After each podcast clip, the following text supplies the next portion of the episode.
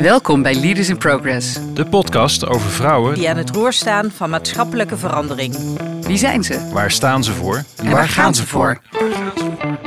Ik ben Nadine Klokken, CEO van KNAP, de online bank die de financiële wereld van binnenuit vernieuwt. Ik ben Beate van Dongen-Krombachs, partner bij EY Consulting. Wij creëren een betere wereld door organisaties te helpen op een duurzame manier te transformeren. En ik ben Dave Jongenelen, medeoprichter van BuzzWomen. Dagelijks stellen wij vrouwen over de hele wereld in staat vooruitgang vorm te geven. Waarom deze podcast? We willen je inspireren Om aan het roer te gaan staan. Van je eigen bezieling. en maatschappelijke vernieuwing. Welkom bij Leaders in Progress. Welkom weer bij een nieuwe aflevering van Leaders in Progress. We zijn hier weer in eh, Austerlitz bij Better Meetings en eh, vandaag de gast eh, is Annette Bosman. Eh Annette, je hebt bedrijfseconomie en accountancy aan de VU gestudeerd. Je bent ooit begonnen als accountant bij KPMG, waar je daarna ook partner bent geworden. In 2009 ben je CFO geworden bij Generali, waar je vervolgens in 2015 CEO werd. In 2021 ben je CEO geworden van eh, APG Groep. Eh, en daarnaast ben je natuurlijk eh, topvrouw van het jaar 2022. Ehm, en zoals jij eh, aangeeft, eh, vormt luisteren de basis van het eh, nieuwe leiderschap dat jij voorstaat. Dus daar eh, zijn we sowieso heel benieuwd eh, om eh, daar zo meteen wat meer over te horen. Verder woon je in eh, Amsterdam. Je bent eh, getrouwd, hebt drie kinderen van 19 en twee van 24. Eh, dus eh, welkom in onze podcast, eh, Annette. Dankjewel, ik heb er heel veel zin in. Ja, nou In fijn. deze prachtige omgeving met Ja. heel veel regen, dat wel. Ja, ja, dat wel. Dat, Dat is een beetje jammer, eh, maar goed. Ja, misschien om maar meteen eh, eh, goed te beginnen. Wat is jouw missie in het leven, Annette? Mm, Het leven is wel een vrij grote en dat verschilt denk ik ook per levensfase. Eh, maar in deze levensfase, eh, en dat heeft natuurlijk ook te maken met mijn eh, titel topvrouw, is mijn missie heel erg verbonden met de financiële onafhankelijkheid van vrouwen. En als je die dan groter maakt van wat is dan missie leven, ja, dat is toch wel meer goed doen en iets goed doen voor de ander en ook echt impact daarin maken. En jij noemt onafhankelijkheid van vrouwen. Kun je daar wat meer over vertellen? Ehm, als je kijkt naar de topvrouwenverkiezing, en er is heel veel aandacht altijd geweest voor topvrouwen, en dat is ook heel belangrijk, diversiteit in boards. Eh, het is nu- natuurlijk wel, eigenlijk staat het buiten kijf, dat dat leidt tot betere besluitvorming en het uit- uiteindelijk dus ook tot betere winstgevendheid eh, van organisaties. Dus dat diversiteit werkt. Ik denk dat we dat, dat dat wel duidelijk is. Daarnaast hebben we een aantal jaren heel veel discussie gehad over quota, of dat moest werken. Ehm, en, en dat moet leiden tot meer vrouwen in de boord, meer topvrouwen. Eh, wat ik daarin merk is dat eh, dat gaat wel, maar het probleem is toch vaak die, die pijplijn vullen. Eh, dus ehm, vrouwen ook echt goed begeleiden om naar die top te kunnen komen. En ze ook echt zien en de kwaliteiten. Dus dat was één aspect. Dus toen ik topvrouw werd, dacht ik van nou ga ik daar de nadruk op leggen.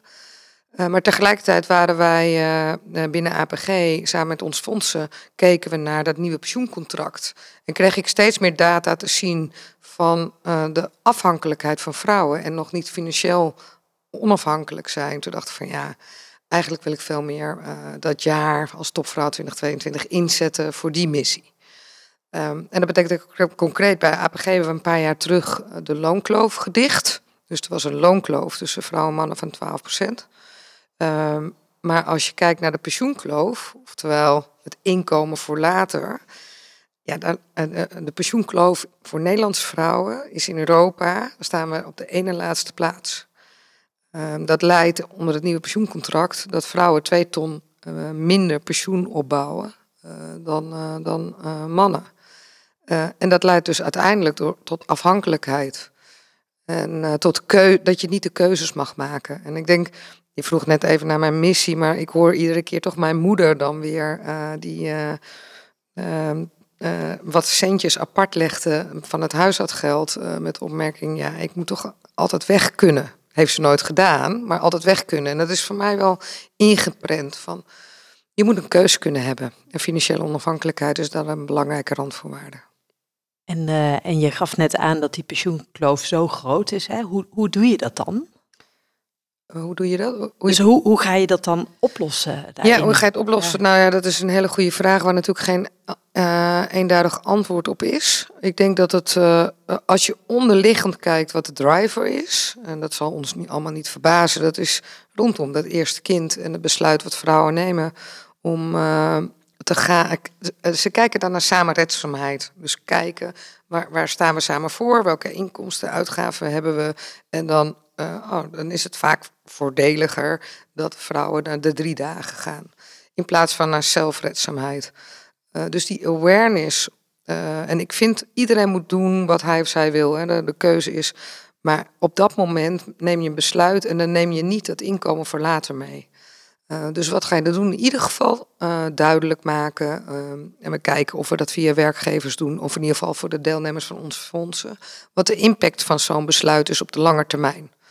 Uh, en, en die is ook weer veelvuldig. Niet alleen die twee dagen die je minder gaat werken, maar vooral ook dat het blijkt dat je inkomen uh, uh, achterblijft. Dus je salaris per maand achterblijft. Wat natuurlijk een negatieve invloed heeft op het toekomstig pensioen. en ook dat je als je eenmaal terug wilt, dat je niet meer op de carrière-lijn komt. waarvoor, je, als je, waarvoor je uiteindelijk opgeleid bent. Dus er zijn veel aspecten. Wat ga ik aan doen? Dus dat is toch die awareness op het moment dat mensen uh, dat besluit nemen, dat, dat ze aware zijn van wat de impact is. Uh, en een tweede is uh, ook dat we kijken via werkgevers in deze arbeidsmarktkrapte. Is natuurlijk ook om te kijken of uh, werkgevers meer de dialoog aangaan van, nou wat is nou jouw zorg? Um, misschien kan je een jaar terug naar drie dagen en kunnen we daarna weer in gesprek gaan om dat weer op te voeren. kunnen we op andere manieren helpen. En als je teruggaat naar uh, jouw eigen leven, uh, bijvoorbeeld naar je moeder die je net al noemde, en misschien ook naar jouzelf toen je zelf uh, je kinderen kreeg, hoe, hoe speelde dat voor jou en, en, waarom heb jij welke keuzes gemaakt toen? Ja, nou ja, die opmerking voor mijn moeder, dat is heel vreemd. Dat is eigenlijk de laatste jaren komt die weer omhoog. Um, terwijl het best wel een leidmotief is geweest. Dus als je kijkt naar mijn opvoeding, uh, die was liefdevol, uh, maar we hadden het niet heel breed. Uh, dus liefdevol, maar hard gewerkt. Zowel mijn vader als mijn moeder. Mijn moeder moest stoppen met werken of werd ontslagen omdat ze ging trouwen. Ging dus ook in de zaak helpen. En voor eigen onafhankelijkheid had ze dan dat potje nodig. Op de achtergrond speelde dat altijd. Je moet een opleiding doen. Uh, dat ben ik natuurlijk ook gaan doen. en toen Vanuit ik... hen naar jou toe bedoel je? Voelde je dat heel sterk? Ja, ja. als eerste van de familie, een van de eerste in de familie die ook ging studeren. En dus heel erg uh, toch wel, ik noem het geen druk, maar wel uh, gemotiveerd en geïnspireerd om uh, die volgende generatie. die het beter, dat ze het beter krijgen dan, dan dat mijn ouders het hadden. En kwam dat van zowel je vader als van je moeder af? Of was het vooral vanuit je moeders kant? Um, nee, vanaf beide. Ja. Maar ik denk ook, mijn we hebben nooit gesprekken gehad op dat moment van, ja, uh, weet je, uh, het was niet een hele geëmancipeerde vrouw in de vorm van gesprekken, maar wel altijd het gevoel van, ze vond het ook logisch dat ze moest stoppen, want dat was toen, maar altijd wel het gevoel van, maar voor jou moet het beter zijn en moet je door kunnen. En dus eigenlijk van allebei, van allebei af. En jij vroeg hoe werkt het bij jou in die bepalende fase? Dat was voor mij een vreemde fase. Uh, want toen ik zwanger werd van mijn eerste kind, uh, toen werd mijn echtgenoot ziek. Dus die overleed ook uh, toen Noor een half jaar was. Ik, daarvoor hadden we al bedacht dat we allebei vier dagen gingen werken. en daarna was het nog meer van ik moet er voor, wel voor haar zijn.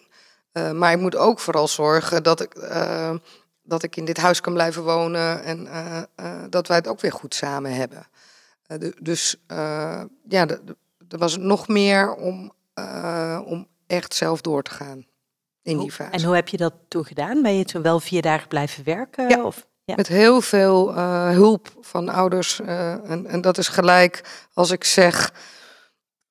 financiële onafhankelijkheid voor vrouwen, het dilemma wat we hebben. Want uh, ik heb het nu over betaalde arbeid, maar die onbetaalde arbeid, oftewel die moeder, waar ik het net ook over had, uh, die nam wel heel veel zorg over, over mijn dochter. Uh, en die sprong in. Dus ik heb het met, met, met kinderopvang en mijn mantelzorgers, laat ik het zo maar noemen, om mij heen. in dit geval mijn moeder gedaan. Mooi. Ja. Ja. Ja. Ehm, wat jij, uh, waar we het net al even over hadden, is dat uh, luisteren de basis vormt van het nieuwe leiderschap dat jij voorstaat. Althans, dat lazen wij in een interview wat met jou gehouden is. Um, nou, dat uh, wekt wel nieuwsgierigheid. Kun je daar wat meer over vertellen? Ja.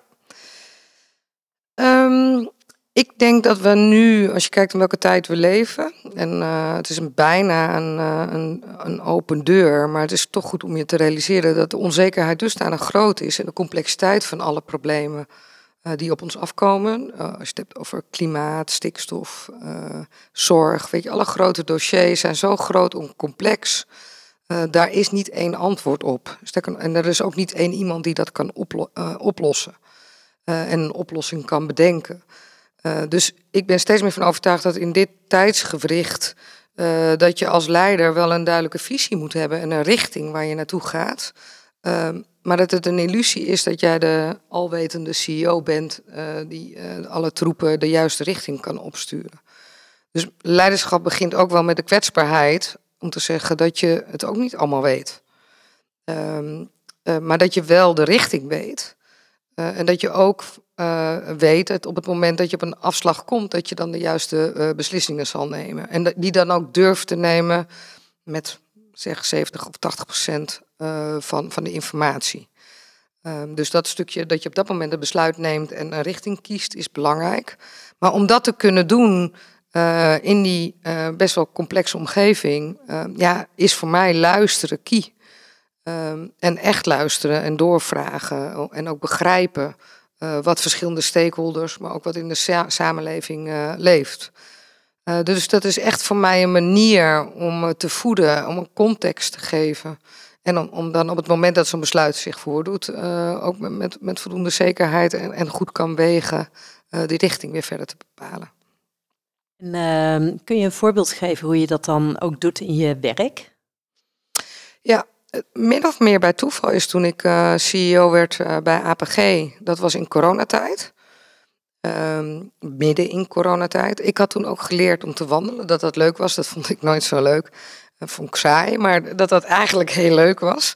En ik dacht, ja, wat ga ik nou doen? Uh, het is midden in coronatijd. Ik was al CFRO bij, bij APG. Dus ik had al meegedacht met een nieuwe strategie. Dus wat je normaal in alle boekjes leest, is nou, je begint en je neemt 100 dagen en dan is het Eureka, dit is mijn plan. Uh, dus dat werkte niet. Uh, toen dacht ik, hoe ga ik dat nou doen? En toen zei ik gekscherend van, oh, we hebben kantoor in Amsterdam en Heerlen, die, eh, twee culturen die met elkaar verbinden. Ik zei een beetje als grapje, ik ga wel wandelen van Amsterdam naar Heerlen. En, uh, maar ja, dan heb je allerlei mensen om je heen. Dan, oh, goed idee. En voordat ik het wist, was het uitgewerkt. Uh, dus het is eigenlijk daar begonnen. En uh, uh, ik ben van Amsterdam naar Heerlen gaan lopen en een mix van medewerkers die dan steeds bij me kwamen in etappes van vijf kilometer, die een stukje meeliepen. Of stakeholders. Um, Ingrid Thijssen was net, toen net benoemd, VNO-NCW. Karin van Gennep was toen nog voorzitter van VGZ. Ik dacht van, hé, hey, de zorg heeft een transitie doorgemaakt om daarvan te leren. En aan het eind van die wandeling uh, vroeg altijd iemand: wat zijn je drie belangrijkste inzichten? Dus de combinatie van free format kunnen wandelen, uh, gewoon met elkaar praten zonder een, wel een thema te hebben. Dat ging over leiderschap of samenleving. Wel een thema te hebben, uh, maar niet tot conclusies of geen agenda te hebben. En aan het eind dan dat weer te convergeren naar, uh, naar drie belang, wat zijn drie belangrijkste inzichten. en dat dus aan het eind van het traject weer bij elkaar trekken. Uh, dat, dat heeft mij zo verrijkt. Maar dat leverde voor jou een hele lijst op met al die drie punten daarin, ja, klopt een hele lijst. En dat is dan niet dat je daarna een actieplan gaat maken. Maar dat heeft me heel verrijkt met inzichten, onder andere om de leider te zijn die ik nu ben. Ik, onder andere om toch steun te hebben. Ik denk, oh ja, ik ben niet de enige die het niet precies weet. Ik denk dat heel veel van ons gewerkt hebben om ja, ik noem maar even de alleswetende CEO's. Ik, ik heb echt opgekeken tegen heel veel CEO's die het precies wisten. En ik kwam er daarachter dat, dat er heel, ja, eigenlijk niemand het precies weet. En dat we het dus samen moeten doen en dat het uh, uh, de kracht is van een ecosysteem. Dus buiten dat je allemaal inzichten opdeed, had je meteen ook een netwerk van, eh, van verdiepte relaties, die je heel snel kan zoeken op het moment dat iets zich voordoet. Dus zo heb ik leren luisteren. Of de waarde van luisteren uh, leren kennen. Ja, mooi. En ik, uh, ik hoor jou ook heel kwetsbaar eigenlijk zeggen: hè, ik ben niet die alleswetende CEO en ik wil ook juist die inzichten gebruiken. Hoe wordt daar, ik, ik weet niet of je dat ook zo uit binnen, uh, binnen je organisatie en, en hoe wordt daar dan op gereageerd? Wordt dat.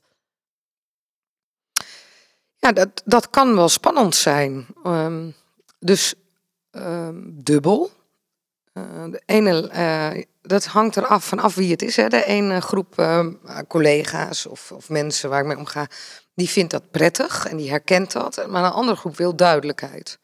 En dat is denk ik voor mij in je leiderschapsstijl duidelijkheid geven. Vooral nu bij APG, we staan voor de grootste transformatie ooit.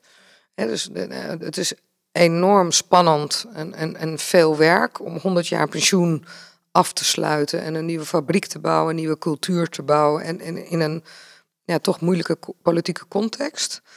Uh, dan is de onzekerheid groot en, en, en dan veel collega's willen ook graag duidelijkheid hebben. Uh, dus ik moet dat mixen met uh, ze nu en dan wel te zeggen, ja, maar dit is wat we gaan doen. bijvoorbeeld binnen, binnen het nieuwe pensioenwet kan je een aantal contracten doen. Ik zal niet te technisch worden, maar collectief contract en, uh, en een flexibel contract. Wij zetten in op het collectieve contract en we gaan de komende twee jaar focussen om dat neer te zetten. En de rest is even bijzaak nu. Dat gaf voldoende richting weer voor, en duidelijkheid voor zo'n groep mensen. Om te zeggen, oké, dan weet ik dat. Een ander voorbeeld. Uh, het huurcontract in Heerlen. Er is heel veel discussie binnen onze organisatie. In Heerlen, weet je, gaan we naar Amsterdam of in Amsterdam gaan we naar Heerlen? Um, duidelijkheid verschaffen. We hebben bilocatie, twee locaties. We blijven daar. En het huurcontract in Heerlen is ook verlengd tot 2039. Dus op sommige aspecten, als je dan ook eigenlijk door het luisteren denkt van ja, dit is belangrijk om een goede context te bieden, ook voor die medewerkers die meer grond onder hun voeten willen, dan, uh, dan moet je gewoon een besluit nemen. En, uh, dat zijn dan weer voorbeelden waar, waar je duidelijkheid biedt en, en uh, hou vast om wel rust en energie te hebben om die transformatie weer in te gaan. En kun je, kun je ook nog wat, wat kleur geven op die andere kant? Dus waar zit, wat voor type thema's zit vaker de twijfel? Um, bijvoorbeeld op uh, duurzaamheid. Ja. Um, dat is vaak de beleggingenkant. Als je onze organisatie, uh, wij zijn vermogensbeheerder voor acht fondsen. Uh, de fondsen zijn degene die besluit waar erin wordt belegd. Uh, wij adviseren daarop. Maar we hebben intern ook wel vaak discussies. Je wilt, je wilt een goed inkomen voor laten verzorgen, maar je wilt het ook nog in een duurzame wereld. Nou, die afweging tussen rendement en, en een duurzame wereld. Um, het is makkelijk gezegd en ik geloof er ook. Het is echt een belief dat je als je een langetermijn belegger bent, dat je als je in duurzaamheid belegt, dat dat uiteindelijk goed voor het rendement is. Uh, daar zijn we het ook wel over eens. Uh, maar er zit dan ook soms op, op individuele casussen een, een twijfel van. En hoe uh, bepaal je nou dat een bepaalde investering op, goed is voor de biodiversiteit? Ehm, op, op carbon weten we het wel. En, en fossiel. Maar ook die transitie moet worden gefinancierd. Hoe doe je dat dan? Dat zijn grote vraagstukken.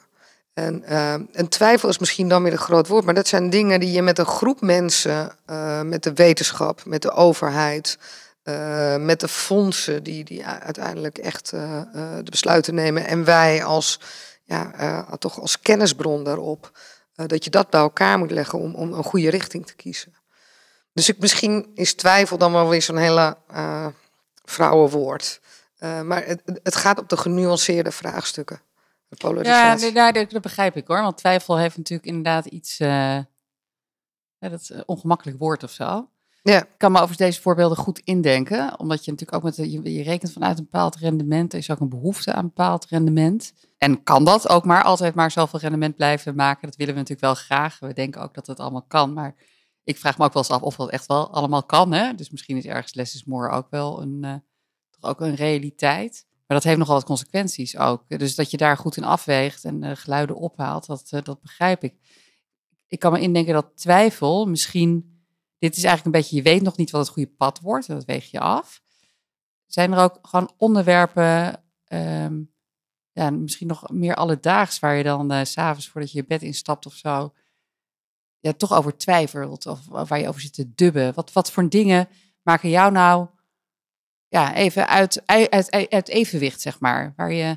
Ik ben twee keer, dat noemde je niet in de inleiding, maar twee keer dus van CFRO naar CEO doorgegroeid bij Generali en ook bij, uh, bij APG. Ehm, het grootste uh, effect van een CEO worden is eindverantwoordelijk zijn. De last man standing of last women in dit geval.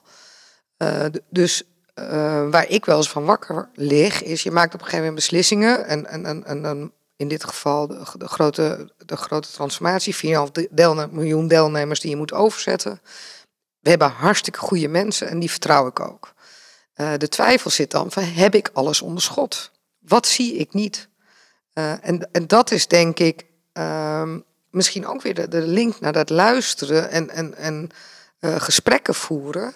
Dat je op zoek bent naar datgene wat je niet ziet. Datgene wat je ziet en weet, kan je inregelen. En dan heb je een goede organisatie, uh, de mensen gaan aan de slag. Um, maar je moet continu op zoek zijn naar, dat, naar het onverwachte. Uh, dus dat is niet heel concreet, omdat je niet precies weet wat dat is.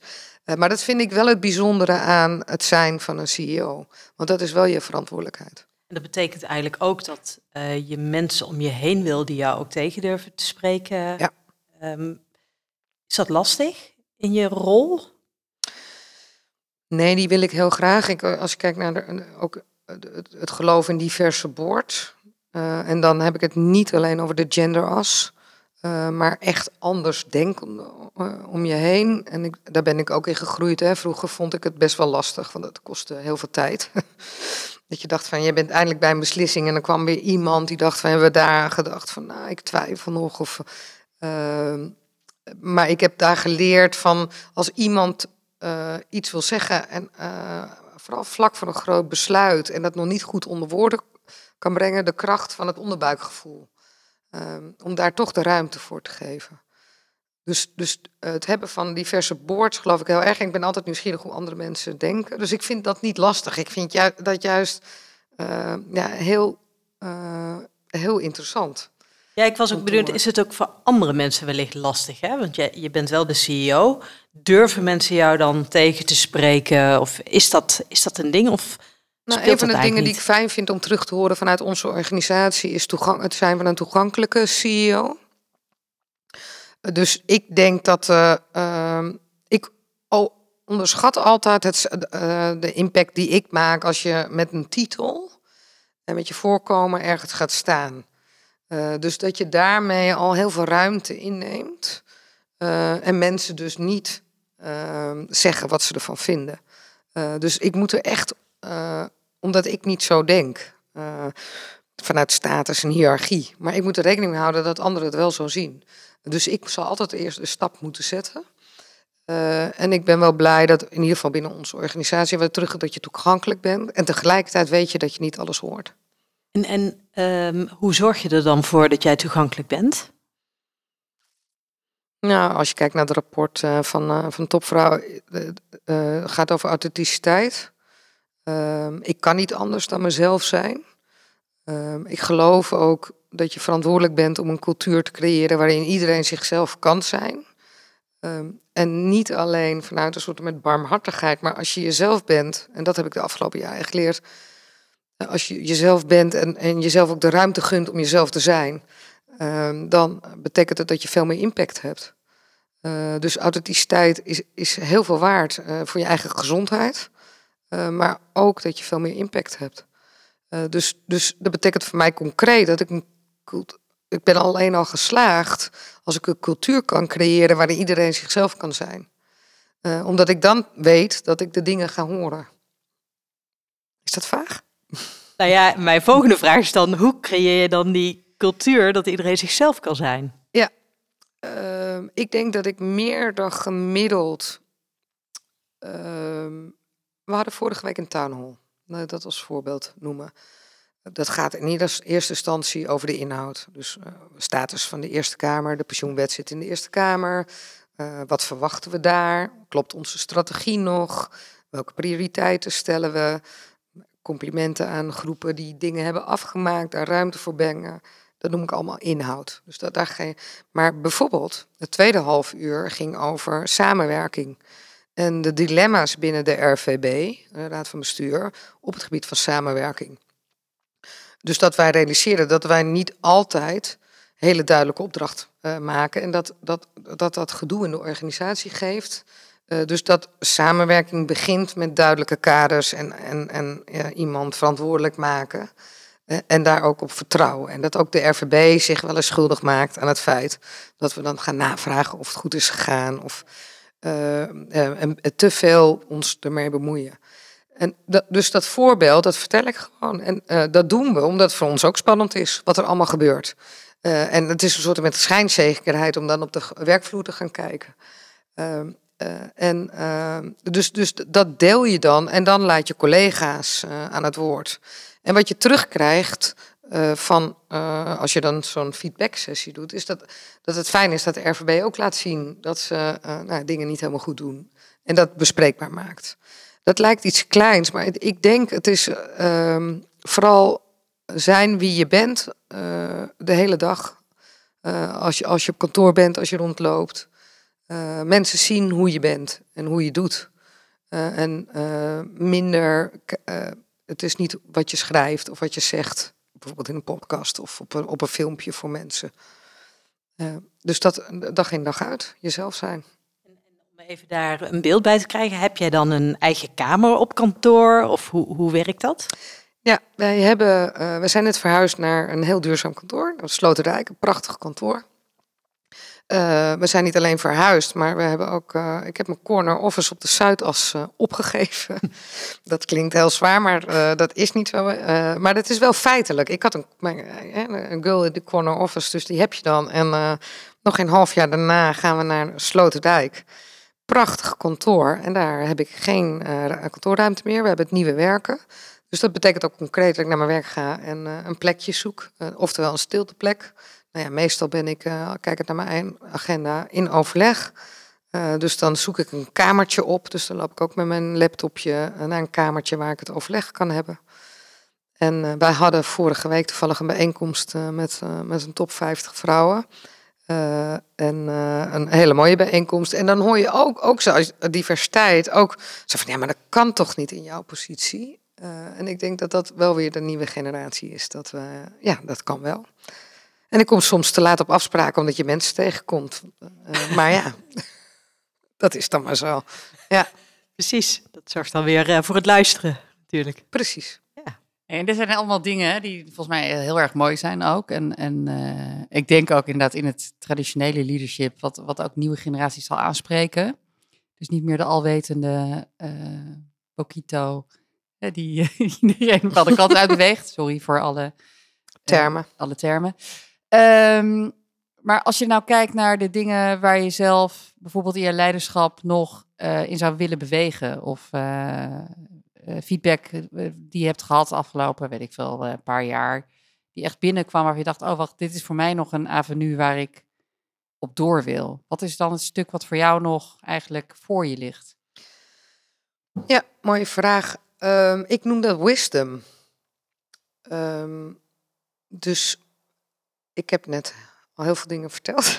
En toch in, in die een, de enorme druk die op onze organisatie en de verantwoordelijkheid die ik voel voor die pensioenhervorming als grootste uitvoerder voor die 4,5 miljoen deelnemers.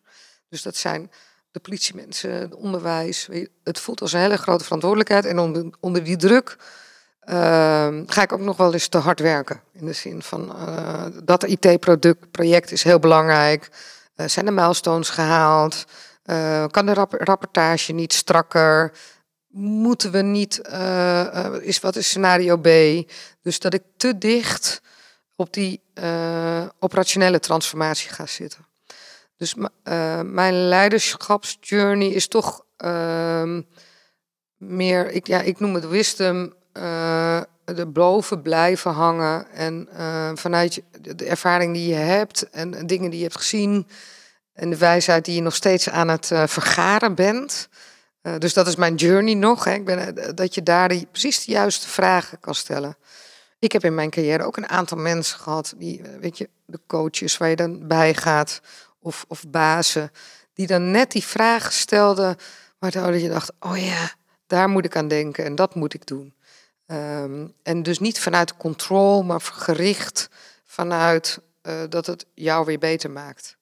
Dus een leider te zijn die, die andere leiders, in dit geval onze directeuren, beter maakt. En do, door middel van vragen stellen. Zorgen dat een ieder echt het beste uit zichzelf ja. haalt daarin. Ja. En de beste versie van zichzelf is. Ja. Ja. ja, dus eerst waar we het net over hadden, het beste zelf kan een cultuur creëren waar iedereen dat kan zijn. Ja.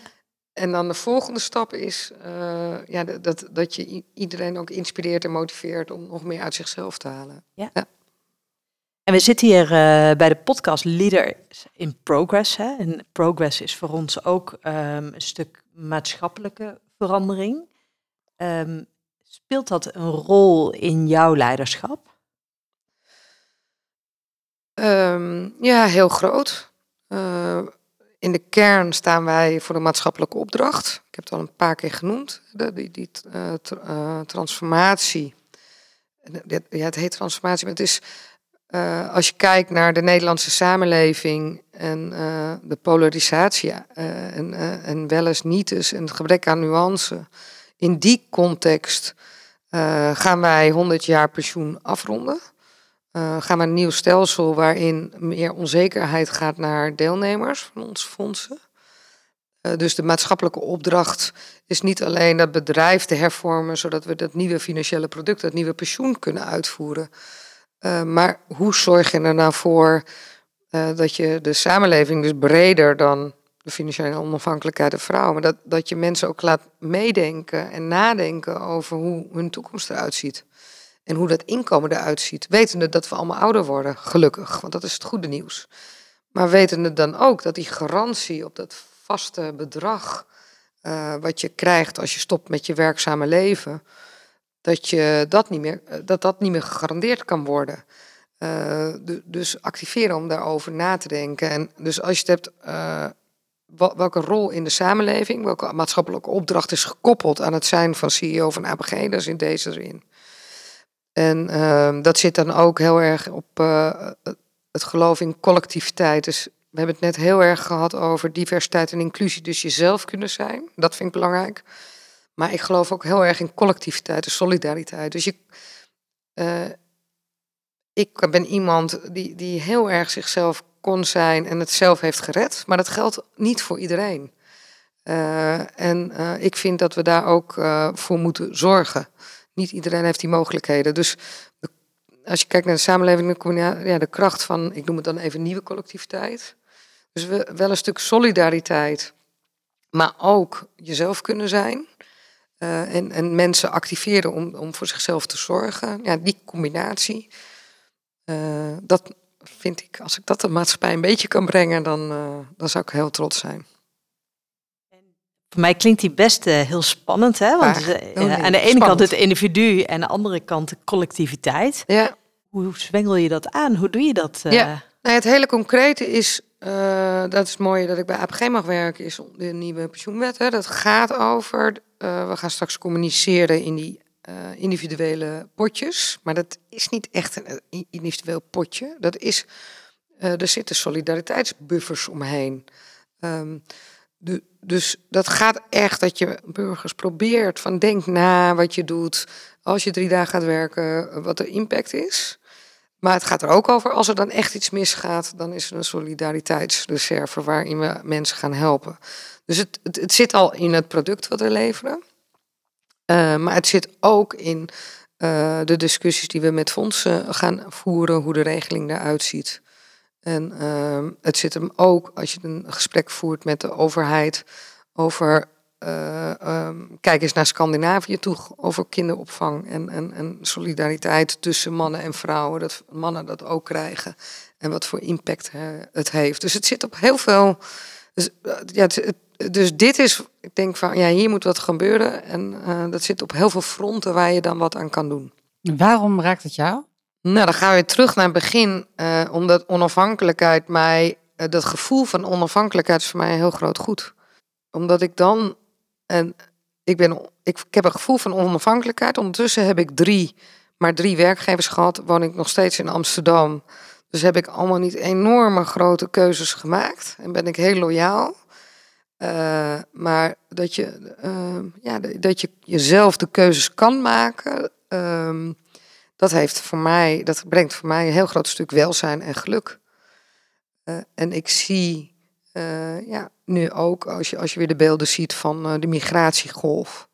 eh, mensen die hier in Nederland komen, die gun ik ook gewoon een start waarin ze weer eh, nou ja, vaste grond onder hun voeten en werken aan een situatie waarin ze weer zelf aan het roer staan. Dus een sterk geloof dat dat bijdraagt, dus niet, niet je had het net over economische groei, niet eens meer economische groei, maar het feit dat je master of your own destiny bent, dat het bijdraagt tot een, een, een vorm van welzijn en, en geluk, wat ik iedereen zou gunnen.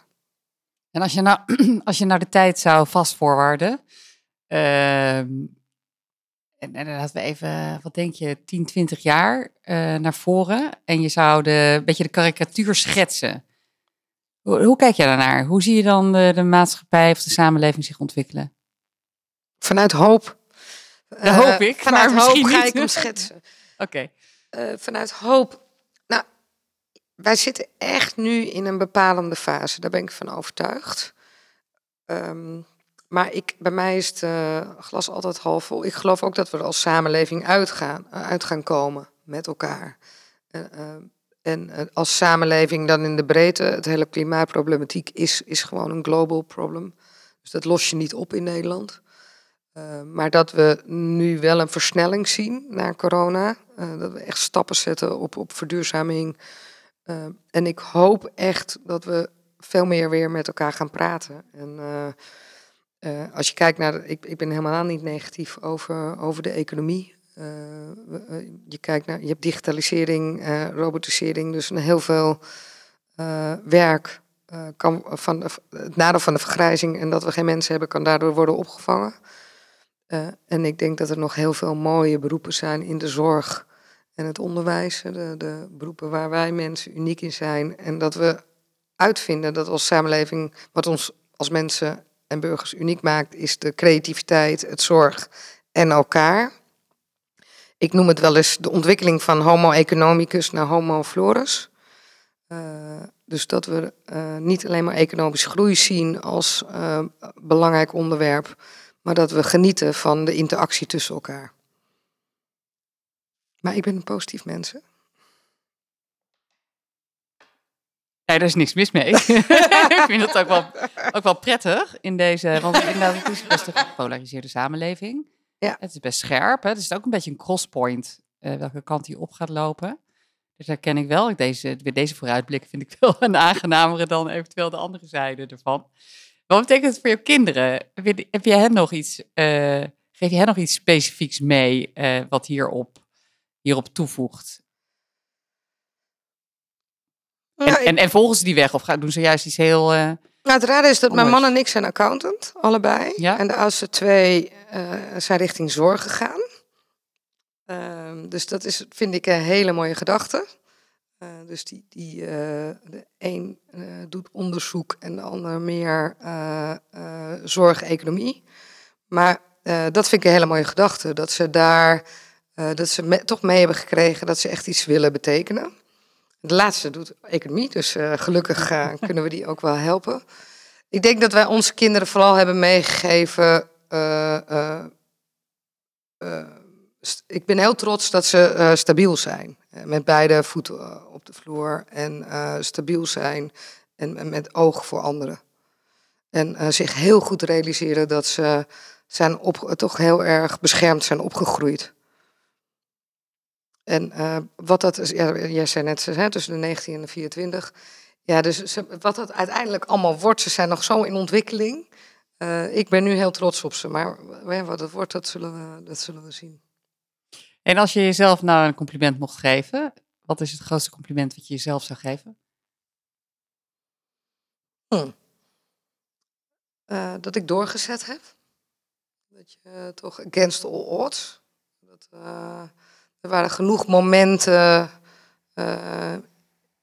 ja, in het leven dat je, en ook dat ik dacht van, ah, ik stop er nu echt mee. Eh, en niet met leven bedoel ik, maar met, als je kijkt naar een carrière of wat je in je werkzame leven, of dat je teleurgesteld bent in mensen, of eh, dat je toch steeds doorgaat. En eh, het, het trots, en ik weet niet of trots een goed woord is, maar blijkbaar heb ik dat in me. Dat ik dan, eh, juist als het, when the going gets tough, dan, dan ga ik aan. Eh, en dat ik geleerd, hoe, hoe groter de crisis, hoe kalmer ik word en dat je dan doorgaat. Dus dat, maar, waarschijnlijk is dat gewoon gegeven. Want waar haal je die energie vandaan om dan door te gaan? Ja, dat vind ik dus heel moeilijk om te. ehm, ik weet in mijn eh, periode bij Generali was mijn e- was de eerste. dat was in de, ik ben daar begonnen, dus als adviseur, dus veilig aan de zijkant, hele goede dingen zeggen. Ehm, en begon ik daar als CFO en vervolgens brak de financiële crisis uit en kwamen we onder verscherpt toezicht. Eh, eh, dus dat was echt dat je denkt van wow, dit is... En er was ook make or break in je carrière. Hè? Als, je, eh, ja, als je aantekeningen krijgt van, van een toezichthouder, ja, dan, dan stopt het wel. En de waarom-vraag vind ik heel... Ik merkte op dat moment van oké, het wordt nu echt grimmy buiten. Dus wa- wat zijn de... Ik ga terug dan naar mezelf en naar de feiten. Wat zijn de feiten? Wat moet er gebeuren? Eh, team verzamelen, goede mensen om je heen verzamelen. Eh, dus zo snel mogelijk iets om je heen verzamelen. dus weer in controle raken, eh, waardoor je verder kunt. Ik vind het heel moeilijk te bepalen wat dat is in mij. Misschien, soms denk ik wel van, omdat er eh, met verlei- overlijden van mijn eerste man heeft toch wel ook iets moois voorgebracht. Kijk, het ergste is mij al overkomen. En eh, dat, je, dat, je, dat je daar ook een soort met rust aan ontleent. Mooi.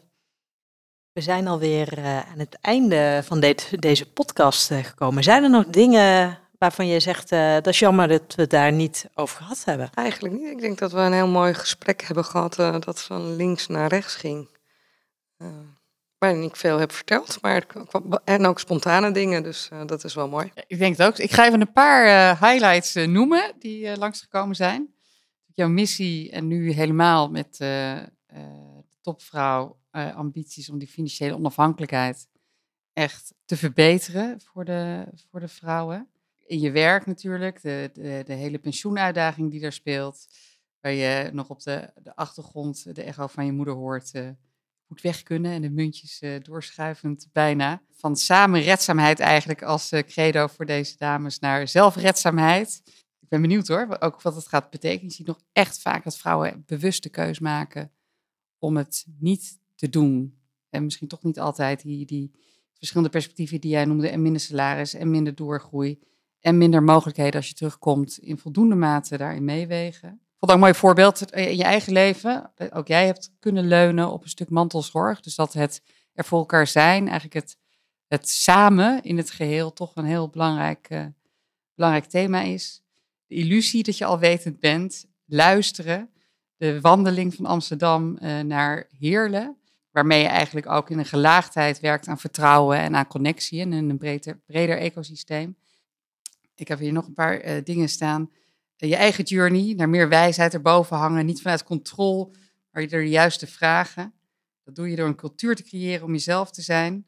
Dus focus op diversiteit en inclusie aan de ene kant. En aan de andere kant het geloven in collectiviteit en solidariteit. Het nieuwe, de nieuwe collectiviteit um, motiveren, de samenleving motiveren om voor jezelf te zorgen. En dan van de homo economicus naar de homo florus. Dat het samen zijn, het met elkaar doen, met elkaar praten.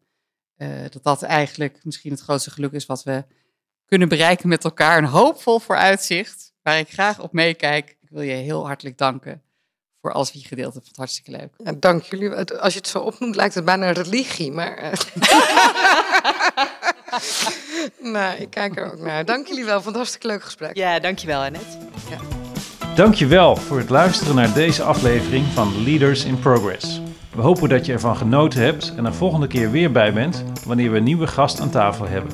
Ben jij geïnspireerd en zou je ook willen werken aan vooruitgang? Dat kan. Ga nu naar www.leadersinprogress.nl en kom in actie. Of neem direct contact met ons op via de e-mail. Graag tot de volgende keer.